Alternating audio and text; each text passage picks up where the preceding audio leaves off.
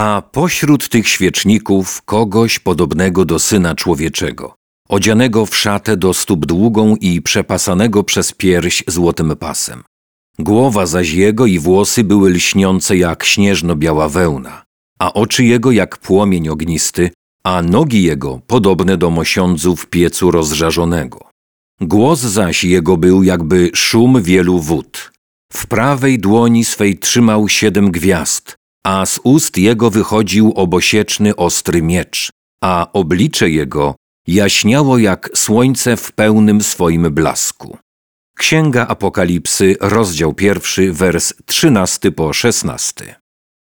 Kiedy byłem na studiach, naturalnie zakładałem, że Jezus wyglądał mniej więcej tak, jak przedstawia się go na obrazach, które widywałem w kościołach.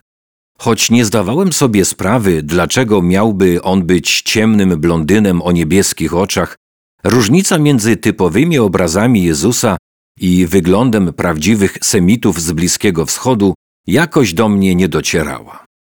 Pod koniec lat 60. brałem udział w uczelnianych protestach.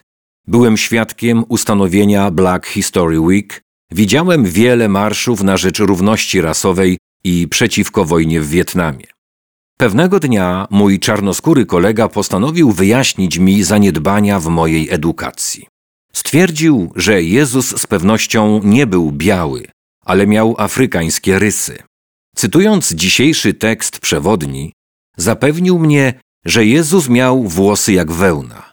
Wskazując na swoje afro, powiedział: Był taki jak ja, a nie taki jak ty.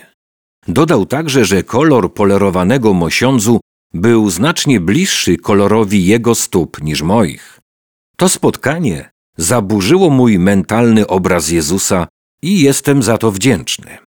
Ciekawe, że biali supermacjoniści na południu Stanów Zjednoczonych posługiwali się tym samym wersetem na dowód, że Jezus był biały. Przecież jego głowa i włosy były białe jak wełna. Według nich nawiązanie do wełny musiało dotyczyć koloru włosów, a nie ich tekstury. Wygląda na to, że niektórzy ludzie potrafią używać apokalipsy Jana na poparcie poglądów, których w niej nie ma. Celem wizji Jezusa nie jest podanie jego dokładnego wyglądu. W końcu nikt nie wyglądałby dobrze z mieczem wystającym z ust.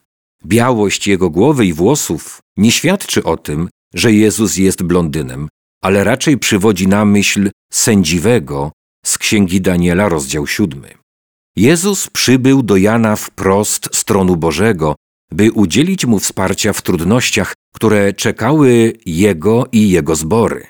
Byłoby smutną pomyłką stracić z oczu wielkość Jezusa, skupiając się na kolorze jego skóry.